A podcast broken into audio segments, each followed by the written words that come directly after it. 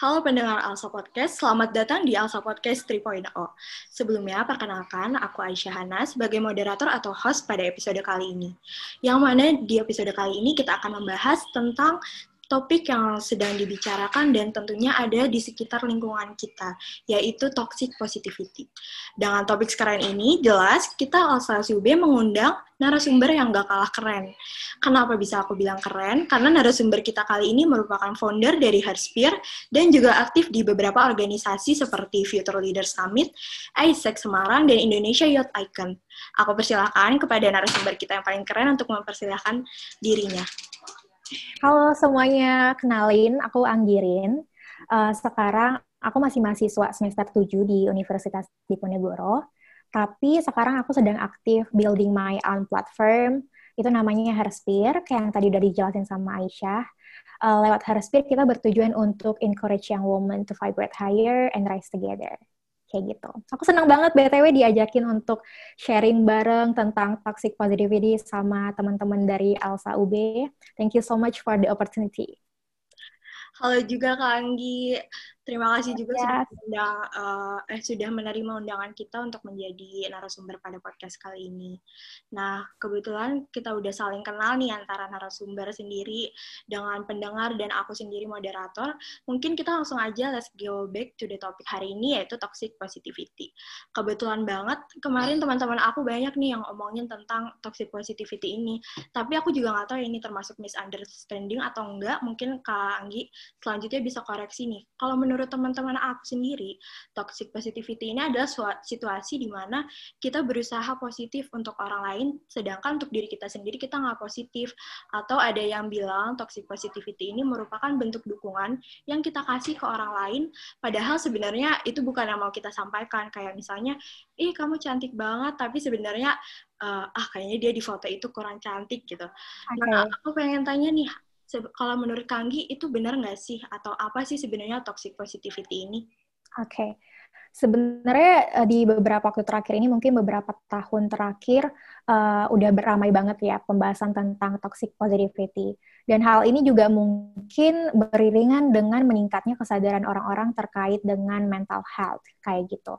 Nah, kalau menurut aku sendiri, toxic positivity itu adalah di saat kita terus-menerus mendorong orang lain atau mungkin bahkan diri kita sendiri untuk stay positive dan melihat hal-hal baik dari uh, suatu hal. Padahal itu kadang kita bahkan di situasi yang cukup buruk misalnya atau di saat kita lagi ada masalah, di saat kita baru mengalami kegagalan, di saat kita baru jatuh dalam membangun sesuatu terus habis itu kita rasanya lagi down banget kayak gitu. Nah, dengan toxic positivity ini kita tidak membiarkan diri kita atau tidak membiarkan orang lain untuk merasakan emosi negatif yang mereka miliki gitu. Uh, emosi negatif itu biasanya kita kaitin kayak misalnya marah, kecewa, sedih, atau rasanya pengen nyerah kayak gitu ya. Nah, artinya di sini perasaan ataupun emosi negatif yang kita miliki itu kita anggap tidak valid. Kenapa kita anggap tidak valid? Karena adanya anggapan bahwasanya kita harus terus berpikir secara positif atau kita harus bisa menjadi a positive person kayak gitu. Padahal sebenarnya it's normal and natural for us human beings to have and to feel those negative emotions kayak gitu. It's human things kayak gitu sebenarnya.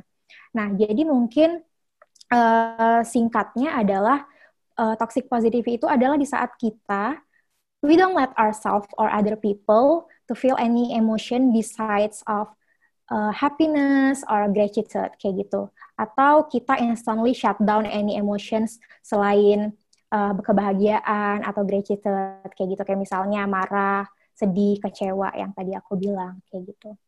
Nah, sebenarnya anggapan-anggapan kayak gini udah terdoktrin di pikiran kita dari jauh-jauh hari ya. Karena dulu mungkin sempet uh, ramai itu pesan yang kayak misal positive vibes only yang kayak gitu kan.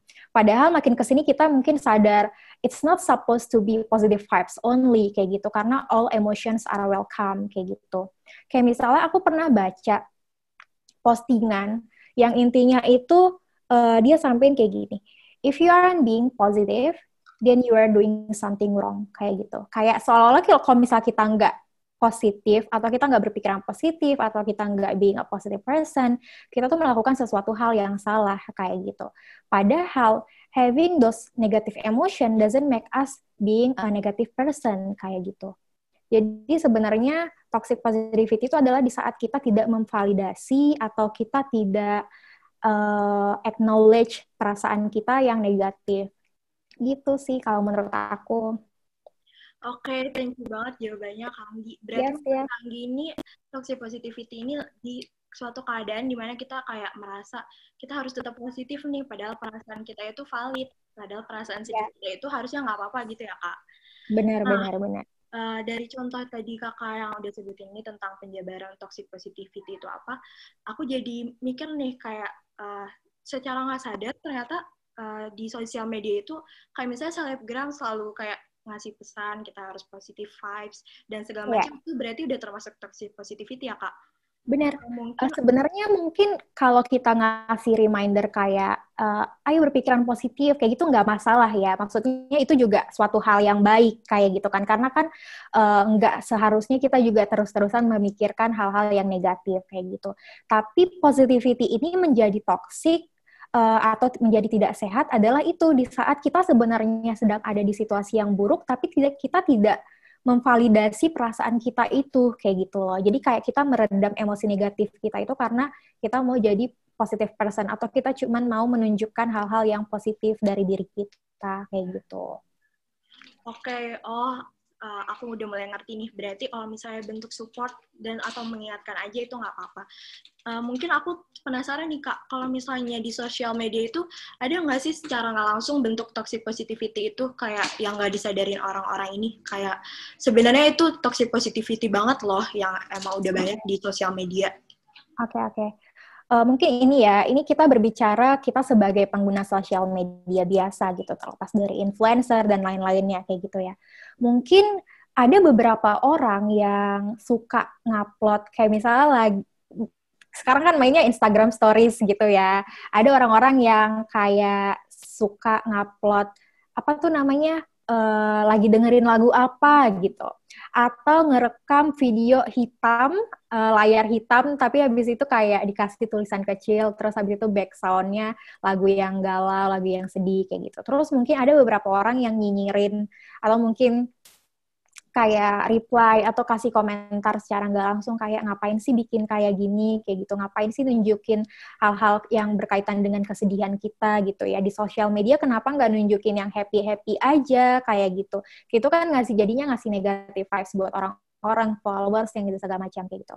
Padahal mungkin tanpa kita sadari dengan dia mengupload story yang ngupload lagu galau dan segala macam itu merupakan cara dia dalam mengekspresikan atau expressing her feelings, their feelings kayak gitu kan sebenarnya. Mungkin itu adalah cara dia untuk tidak meredam emosi negatif, misalnya sedih, kecewa yang dia milikin kayak gitu. Kenapa sih nggak uh, mudah buat kita atau kenapa sih sulit buat kita untuk let people feel what they want to feel kayak gitu. Jadi kalau misalnya emang itu bukan kriteria kamu untuk expressing your feelings in your Instagram stories, ya udah that's fine kayak gitu. Tapi kalau misalnya ada orang lain yang kayak gitu, ya udah gak usah di komen kayak eh hapus dong, ngapain sih upload-upload kayak gitu gitu. Menurut aku itu kalau aku sih bakal membiarkan orang lain uh, ngupload apa pun yang dia mau kayak gitu ya.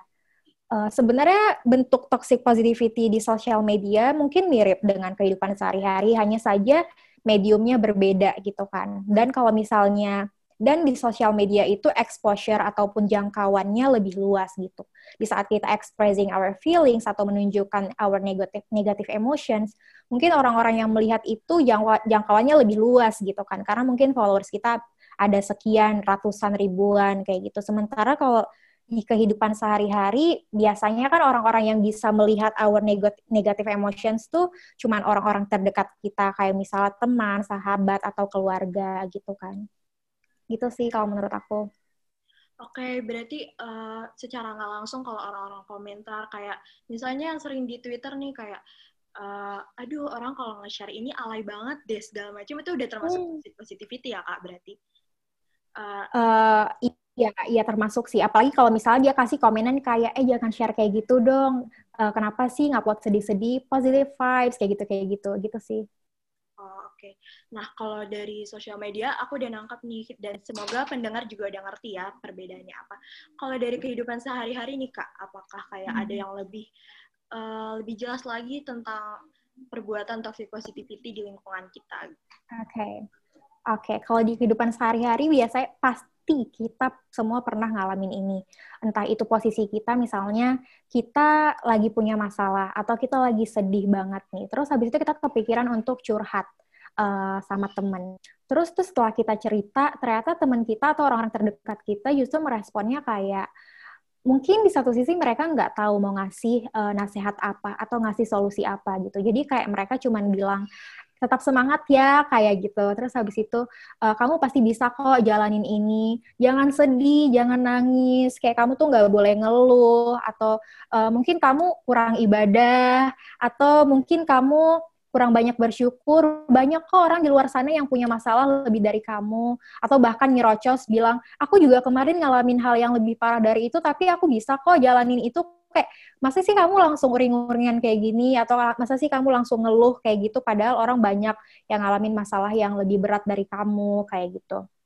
Nah, menurut aku hal-hal yang kayak gitu uh, pasti sering kita temukan di kehidupan sehari-hari atau bahkan mungkin tanpa kita sadari kita yang jadi uh, orang yang toksik itu sendiri gitu. Mungkin kita bukan yang curhat, tapi kita yang dicurhat kita yang dicurhatin kayak gitu. Jadi mungkin teman-teman bisa rewind lagi nih ke belakang, kira-kira pernah nggak kalau misalnya lagi dicurhatin atau dipercayain sama orang lain untuk dengerin keluh kesah mereka, kita justru responnya dengan hal-hal yang menurut kita itu bakalan positif dan bakalan nyemangatin mereka, padahal sebenarnya itu tuh justru jadi toxic dan malah bikin orang yang sedang berada di masalah itu justru semakin down atau justru kesal seperti itu.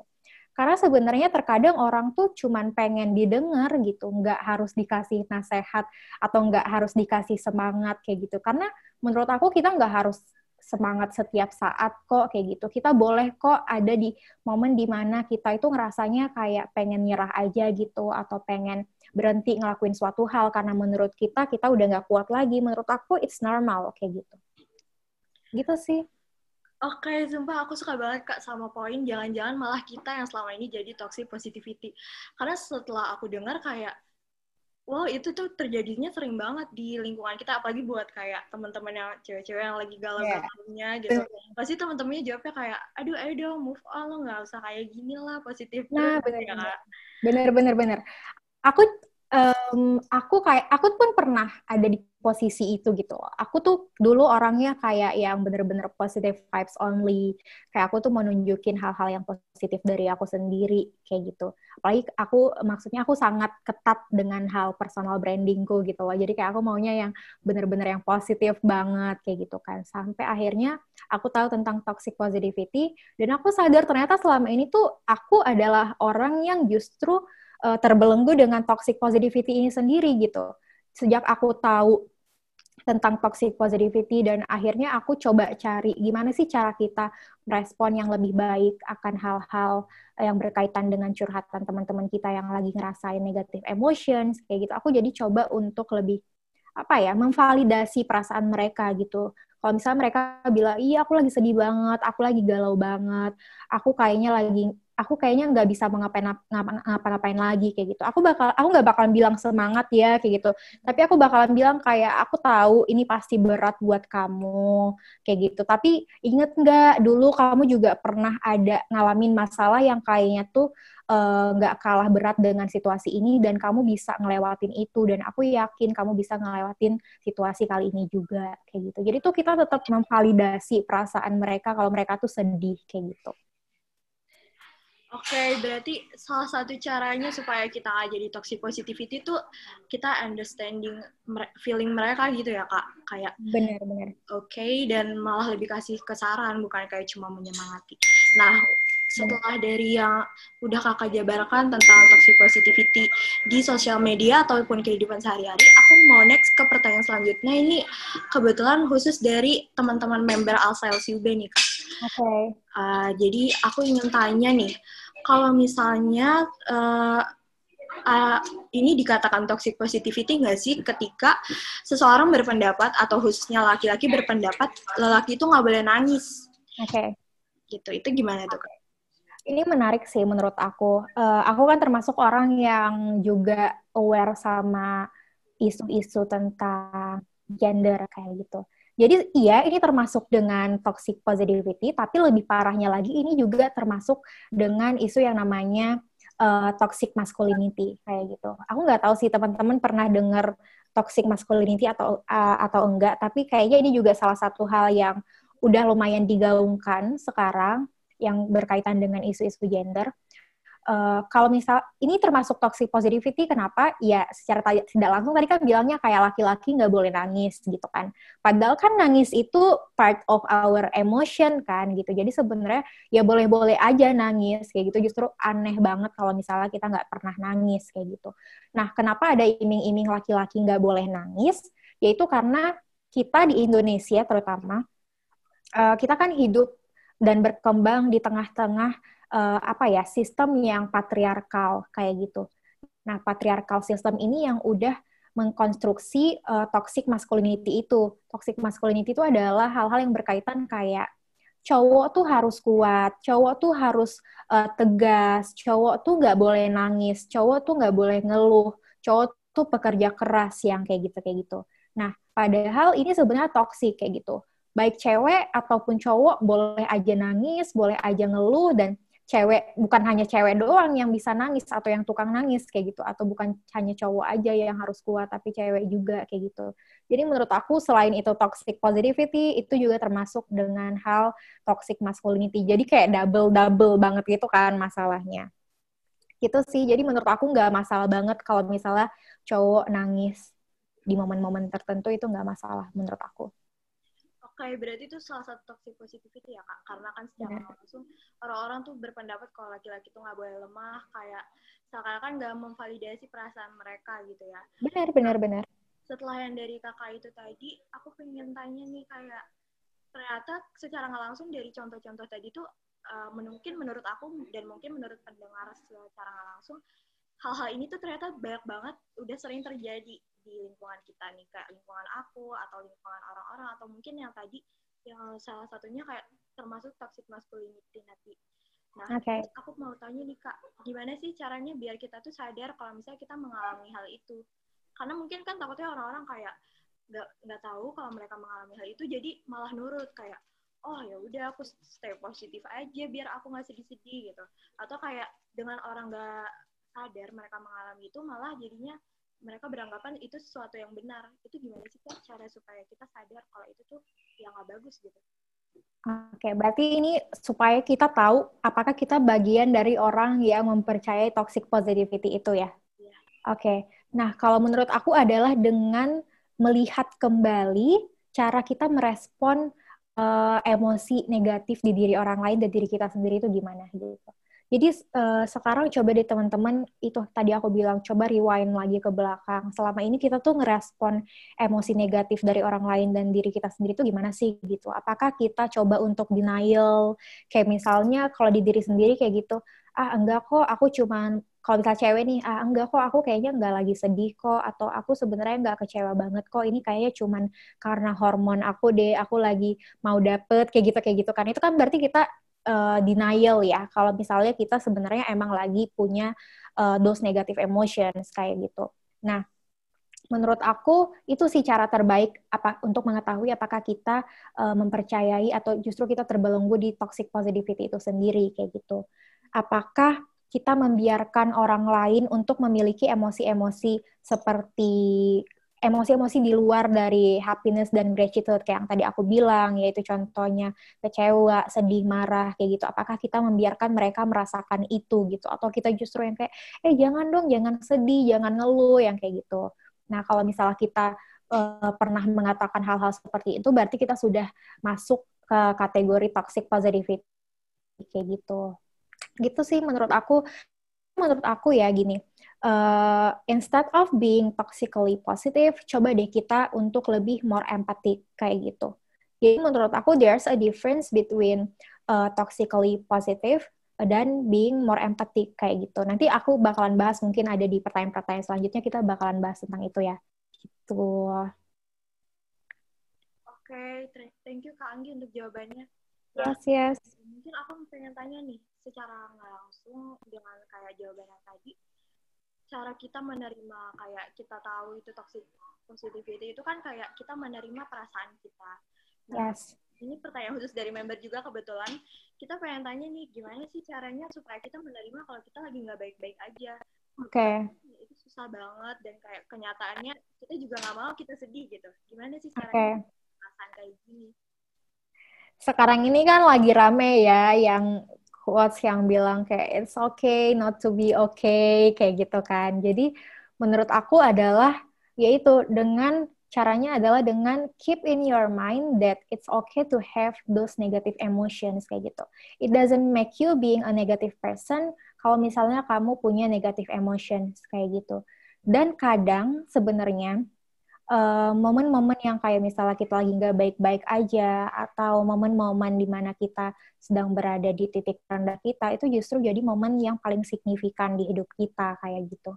Hal-hal yang momen-momen seperti itu sih yang menurut aku justru mengajarkan banyak hal di kita gitu. Karena kalau misalnya kita terus-terusan uh, berada di situasi yang baik-baik aja kita terus-terusan happy kita atau kita nggak pernah dapat masalah gitu atau kita justru menghindari masalah kayak gitu menurut aku itu justru berbahaya karena kita jadi nggak punya bekal di saat ada satu masalah yang bener-bener nggak bisa dihindari atau satu masalah yang besar banget kita justru jadi kayak kaget dan gak punya bekal di sebelumnya aku harus hmm, masalah ini seperti apa, aku harus handle-nya seperti apa, kayak gitu. Kalau aku sih berdasarkan momen pribadi aku, justru di saat aku lagi ada di momen-momen terendah itu, hal-hal yang signifikan di hidup aku terjadi, kayak gitu. Kayak aku ngambil satu step atau satu langkah yang menurut aku cukup impactful di hidup aku yang sekarang, kayak kayak kayak gitu. Jadi menurut aku uh, dengan tak gimana caranya supaya kita tahu kita nggak baik-baik aja, yaitu di saat kamu pasti kita tahu sih sebenarnya kita lagi nggak baik-baik aja. Cuman selama ini tuh kita denial gitu aja, nggak mungkin nggak tahu. Tapi kita denial kayak yang tadi aku bilang, kayak enggak kok aku lagi nggak sedih, ini aku uh, I'm just being too emotional, yang kayak gitu kayak gitu. Menurut aku coba embrace your feelings gitu. Oke, okay, thank you kak. Poinnya bagus banget. Jadi menurut okay kakak sendiri lebih baik kita menerima kalau misalnya kita nggak baik-baik aja karena itu juga bukan sesuatu yang buruk gitu ya. Benar oke okay untuk merasa sedih dan lain-lain. Nah benar, Uh, aku pengen tanya nih untuk pertanyaan selanjutnya kayak setelah misalnya mengalami toxic positivity atau nantinya kita menerima kalau misalnya itu salah satu perasaan kita yang valid soal merasa sedih uh, toxic positivity ini bahaya nggak sih untuk kesehatan mental mm -hmm. Oke, okay. Nah ini ya yang tadi aku bilang di awal, tok, uh, kesadaran kita tentang toxic positivity itu meningkat juga beriringan dengan kesadaran kita tentang mental health, kayak gitu kan. Nah, aku sebelumnya mau cerita dulu nih pengalaman pribadi aku. Jadi kayak yang tadi aku bilang, aku tuh anaknya yang dulu sebelumnya positive vibes only, kayak gitu. Terus kalau misal di sosial media tuh kayak aku tuh berusaha untuk upload hal-hal yang berbau dengan hal-hal yang positif kayak misalnya prestasi-prestasi aku atau uh, productivity aku kayak gitu. Atau misalnya aku lagi kerja bla dan segala ya uh, I'm try I was I was trying so hard to be a positive person kayak gitu. Sampai akhirnya ada satu momen uh, exactly a year ago di 2019 itu di saat aku lagi jadi communication uh, communication and media director di salah satu national summit dan di situ divisi aku adalah divisi yang paling banyak cakupannya gitu loh kayak uh, scope of works-nya itu yang paling banyak kayak 5 sampai 6 scope of works dibandingkan divisi-divisi lain yang kayak paling satu atau dua kayak gitu kan. Nah, jadi kerjaanku banyak banget tuh tahun lalu. Sampai akhirnya aku harus uh, keluar kota setiap weekend, bener-bener setiap weekend aku harus keluar kota, Jakarta, Bandung, Surabaya, balik lagi Jakarta, dan segala macam. Itu selama tujuh minggu berturut-turut, tujuh minggu berturut-turut, dan aku sakit di minggu ke-8, padahal di minggu ke-8 tuh aku harus tetap harus keluar kota, tapi kayak aku bener-bener udah yang kayak drop banget gitu kan. Nah, karena apa? Karena selama tujuh minggu ini aku ngerasa aku menjadi orang yang sangat denial kayak gitu selama tujuh minggu aku pergi keluar kota, aku berusaha untuk terus upload hal-hal yang positif, kayak misalnya aku uh, aku ketemu sama influencer-influencer, terus kita tag video bareng, kita jalan untuk campaign uh, untuk tugas di kerjaanku di National Summit ini kayak gitu kan. Terus habis itu ya udah aku uploadnya tuh kayak aku nunjukin ke orang kayak I was I was so happy doing this kayak gitu. Padahal nggak bisa aku pungkirin malam-malam atau sepulang aku sepulang aku dari kegiatan itu kerjaan aku atau misalnya aku lagi nyetir itu tuh berasa banget capeknya kayak gitu. Kayak misal sampai kerja sampai tengah malam mana lagi aku ngerjain ini sam sambil kuliah kan sebenarnya kayak gitu. Jadi itu tuh bener-bener berasa banget capeknya rasanya tuh kayak pengen teriak, pengen nangis, pengen bilang tuh nggak kuat lagi kayak gitu kayak tapi kayak aku harus berusaha untuk uh, tampil sebagai sosok leader yang sangat tough di depan anggota-anggotaku kayak gitu kan dan di depan uh, partner-partnerku dari divisi yang lain, direktur-direktur yang lain kayak gitu.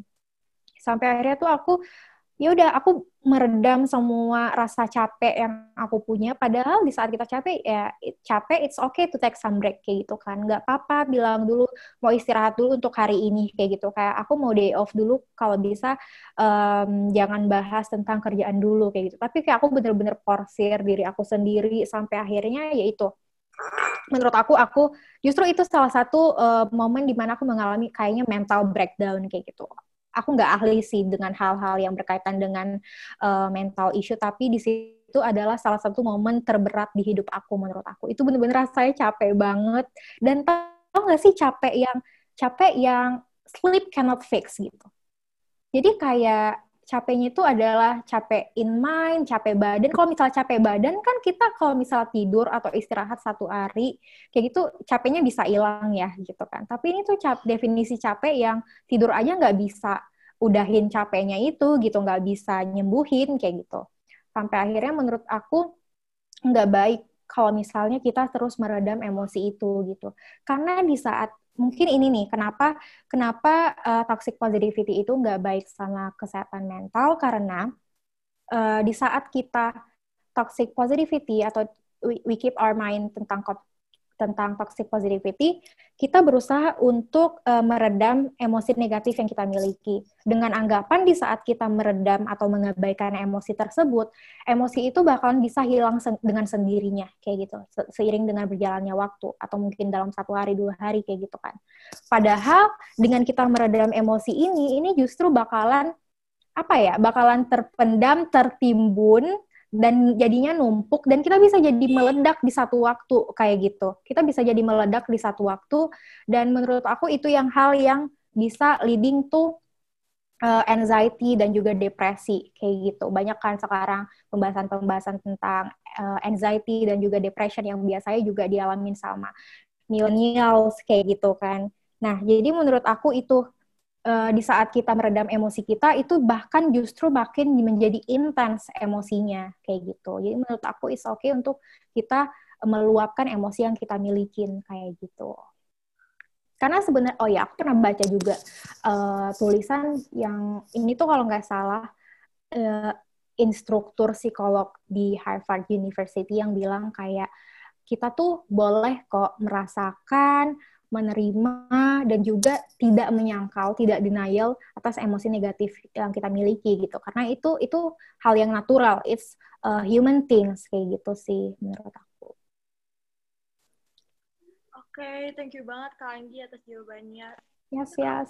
Dari cerita Kak Anggi ini berarti emang bahaya banget untuk kesehatan mental kita ya Kak secara alami. Iya, Bener, karena sebenarnya toxic positivity itu bisa jadi harmful kayak gitu. Dan ini adalah harmful habit uh, that needs to be stopped immediately gitu loh, menurut aku. Iya, apalagi kayak untungnya kalau Kak Anggi ini kan sadar ya kalau misalnya hmm. berbahaya nantinya. Ini untuk pendengar yang mungkin belum sadar dan mungkin kayak relate dengan kata-kata atau cerita Kak Anggi tadi mungkin bisa ditanamin lagi di dirinya. Nah, uh, mungkin aku juga mau tanya nih setelah dari cerita Kanggi itu gimana sih cara mengatasi setelah kita mengalami hal itu kayak apalagi itu dari diri kita untuk diri kita sendiri kan okay. yang kita okay. jauhin gitu gimana sih caranya kak untuk mengatasi atau mungkin menjauhi toxic positivity ini nah itu ya yang tadi sempat aku singgung uh, kalau aku sih menyarankan daripada kita being toxically positive atau kita uh, berusaha untuk terus-terusan positif in a toxic way, aku lebih memilih untuk kita lebih berempati gitu loh. Apa sih bedanya gitu?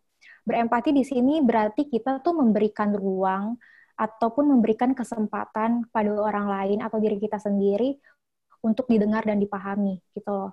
Jadi kayak di saat ada teman yang cerita ke kita, kalau misalnya kita nggak tahu mau ngasih nasihat apa atau mau ngasih solusi apa, uh, mendingan ya udah just listen to them kayak gitu loh daripada kita ngasih apa ya kayak semangat ya gitu jangan nangis dong kayak gitu kamu pasti bisa latin ini itu tuh seolah-olah kayak formalitas doang gitu those are uh, empty words menurut aku. Jadi kayak itu tuh cuman kalimat-kalimat kosong yang kita kasih ke orang-orang uh, just for the sake of formality uh, karena kita nggak tahu mau ngasih nasihat apa misalnya kayak gitu. Jadi daripada kita nggak tahu mau ngasih nasihat apa dan kita being toxic, mendingan uh, kita tuh cuman ya udah dengerin aja gitu. Jadi kayak bilang ke mereka, oke okay, aku dengerin kamu, uh, silahkan kamu mau nangis, aku juga temenin, kayak gitu kayak gitu loh. Jadi kayak jangan bilang jangan nangis kayak gitu. Terus habis itu uh, menurut aku uh, dengan cara berempati ini nih satu ada beberapa hal yang biasanya aku praktek, praktekin sekarang kayak misalnya di saat kita sedang mendengarkan cerita dari orang lain kita tuh coba deh untuk meredam ego itu yang tadi aku bilang meredam ego memberikan nasihat terus habis itu uh, apa ya kasih kalimat-kalimat kosong kayak gitu karena sebenarnya terkadang yang dibutuhkan dari orang yang mengalami masalah atau yang sedang merasakan uh, negative emotion itu bukan nasihat kayak gitu. Mereka cuma butuh didengar dan divalidasi perasaannya kayak gitu. Terkadang mereka bakalan ngerasa semakin kecil atau semakin menyalahkan diri sendiri. Kalau kita tuh terkesan justru menggurui kayak gitu, menggurui dengan memberikan nasihat. Terus yang kedua adalah uh, jangan membandingkan cerita orang yang tadi mengalami negative emotions dengan cerita orang lain atau dengan cerita kita sendiri justru itu yang tadi aku sempat bilang kayak apa namanya aku juga kemarin ngadepin masalah yang lebih parah dari kamu kok tapi aku kuat-kuat aja aku nggak nangis sama sekali aku nggak ngeluh kenapa sih kamu gini gini gini gini gitu karena kan uh, tingkat kekuatan seseorang itu berbeda-beda gitu ya. Jadi mungkin ya di saat kamu dihadapkan dengan satu masalah, mungkin kamu bisa kuat. Tapi di saat orang lain menghadapi masalah yang sama, mungkin mereka nggak sekuat itu kayak gitu. Jadi uh, let people feel what they want to feel and validate their feelings kayak gitu sih menurut aku. Jadi mungkin kalau dari segi kalimatnya itu instead of kita bilang jangan nyerah atau jangan ngeluh, tetap semangat, kamu pasti bisa, banyak-banyak berdoa, banyak-banyak bersyukur kayak gitu. Coba deh uh, ganti kalimat-kalimat yang lebih penuh dengan empati, kayak misalnya aku tahu ini bakalan aku tahu situasi ini pasti berat buat kamu kayak yang tadi aku pernah bilang tapi kayak you've been through this before and I believe kamu bisa lewatin ini juga di kali ini gitu terus habis itu uh, kalimat lainnya misalnya memang kadang sulit ya buat kita untuk melihat hal-hal yang baik atau melihat hal-hal yang positif di situasi seperti ini. Aku paham kok apa yang kamu rasain. Atau salah satu kalimat yang paling simple dan menurut aku paling helpful adalah ada yang bisa aku bantu nggak kayak gitu. Itu itu walaupun sangat singkat tapi itu sangat-sangat powerful gitu loh. Jadi biarkan mereka memberitahu apa sih yang bisa kamu bantu. Kalau misalnya mereka bilang just listen to me ya udah mungkin itu dengan kamu mendengarkan mereka kamu udah membantu mereka banget kayak gitu sih menurut aku. Oke, okay, thank you banget nih Kak Anggi. Sebelum masuk ke pertanyaan terakhir, okay. aku nih sama poin yang tadi Kak Anggi bilang soal empati sama toxic positivity ini. Ini bedanya apa hmm. sih Kak? Mungkin orang-orang kan jadi kayak bertanya-tanya, terus aku harus kasih support atau empati itu dengan bentuk apa supaya nggak jadi toxic positivity ini. Mungkin Kak Anggi bisa menjabarkan kayak bedanya tuh apa antara empati dan toxic positivity. Nah, itu yang tadi aku kalau toxic positivity kayak yang tadi aku udah jelasin, kita itu hanya membiarkan mereka merasakan uh, emotion yang uh, yang berkaitan dengan happiness dan gratitude. Kita nggak membiarkan mereka merasakan emosi di luar eh, hal-hal uh, itu gitu. Kayak misalnya sedih, kecewa, marah, pengen nyerah gitu kan.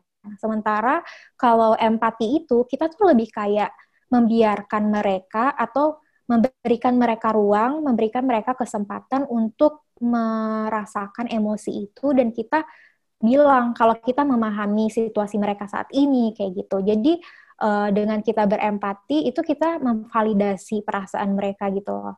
Kalau misalnya kita toxic positivity, kita nggak memvalidasi perasaan mereka. Kita bilang kalau perasaan mereka itu nggak real, perasaan mereka itu nggak valid kayak gitu. Sementara di saat kita being empathic, kita tuh bilang, aku tahu ini pasti berat buat kamu. Aku tahu pasti kamu sedih banget tapi coba bla bla bla bla bla gitu loh. Jadi kayak tapinya itu kamu bisa kasih beberapa masukan atau kalau misalnya emang kamu ngerasa kamu nggak ahli dikasih masukan ya itu yang tadi aku bilang ada yang bisa aku bantu nggak gitu. Dengan kamu nanya ada yang bisa aku bantu nggak, kamu itu berusaha untuk kayak memahami bahwasannya dia tuh sekarang lagi emang di kondisi yang nggak baik-baik aja gitu. Gitu sih menurut aku. Oke, okay, thank you Kak untuk jawabannya yang tadi. Jadi mungkin untuk pendengar bisa nih kayak uh, tahu lebih paham lagi. Soalnya emang beda banget ya sebenarnya kayak yes. satu memberikan dukungan secara langsung, yang satu malah kayak memberikan kata-kata yang ah itu mah cuma sekadar kata-kata gitu. Benar-benar. Ini masuk ke pertanyaan terakhir nih Kak. Uh, mungkin dari Kak Anggi ada nggak sih saran untuk para pendengar nih terkait toxic positivity ini?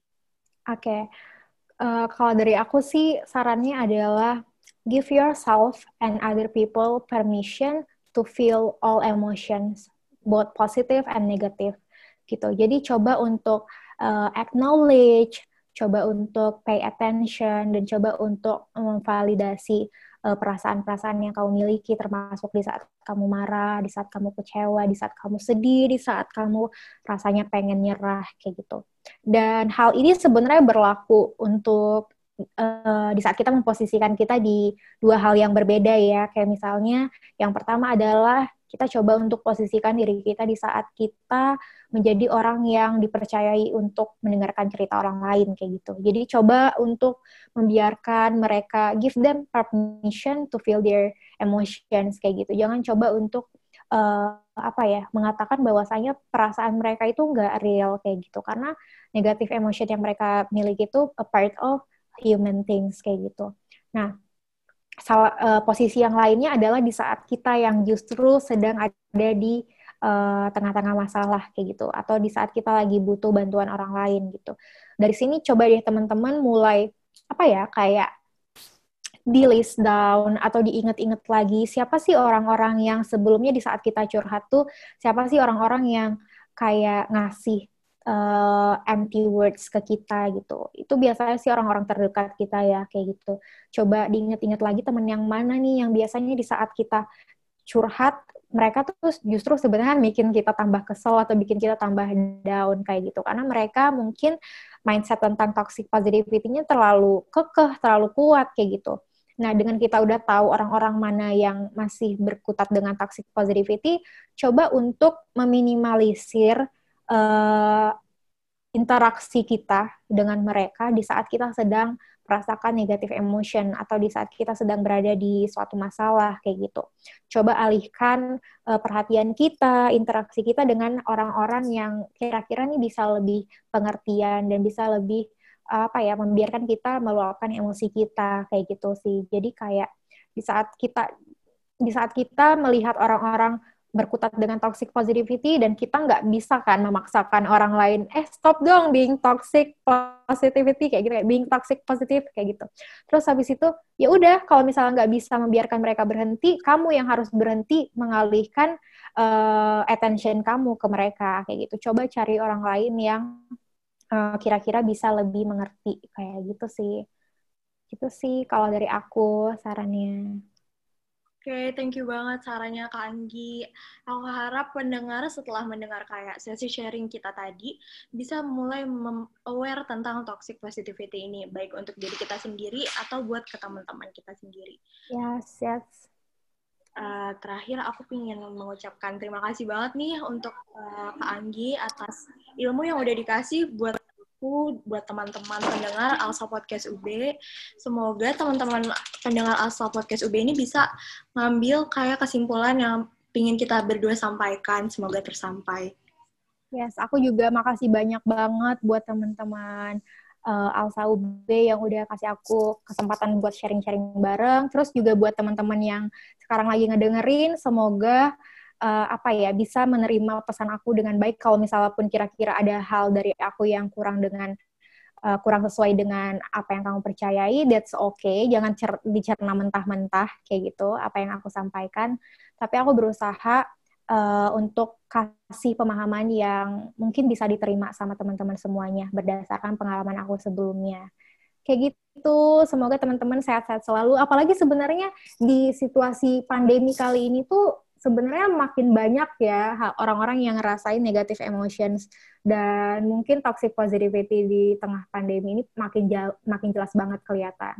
Kayak misalnya mungkin orang-orang bilang, kalau misalnya ada yang bilang kayak, aduh aku nggak tahan banget nih kalau misalnya nggak keluar rumah, aku rasanya stres banget. Kayak, ah, ya elah bukan cuma lo doang kali yang stres kayak gitu. Jadi kayak kayak apa ya not everything is about you gitu loh jadi di saat kamu bisa kuat bukan berarti kamu bisa memaksakan orang lain harus seperti kamu juga kayak gitu sih kalau menurut aku benar banget sumpah kak soal masalah kayak kita lihat pandemi ini masih sama-sama lagi sih kusut-kusutnya lagi sedih-sedihnya gitu.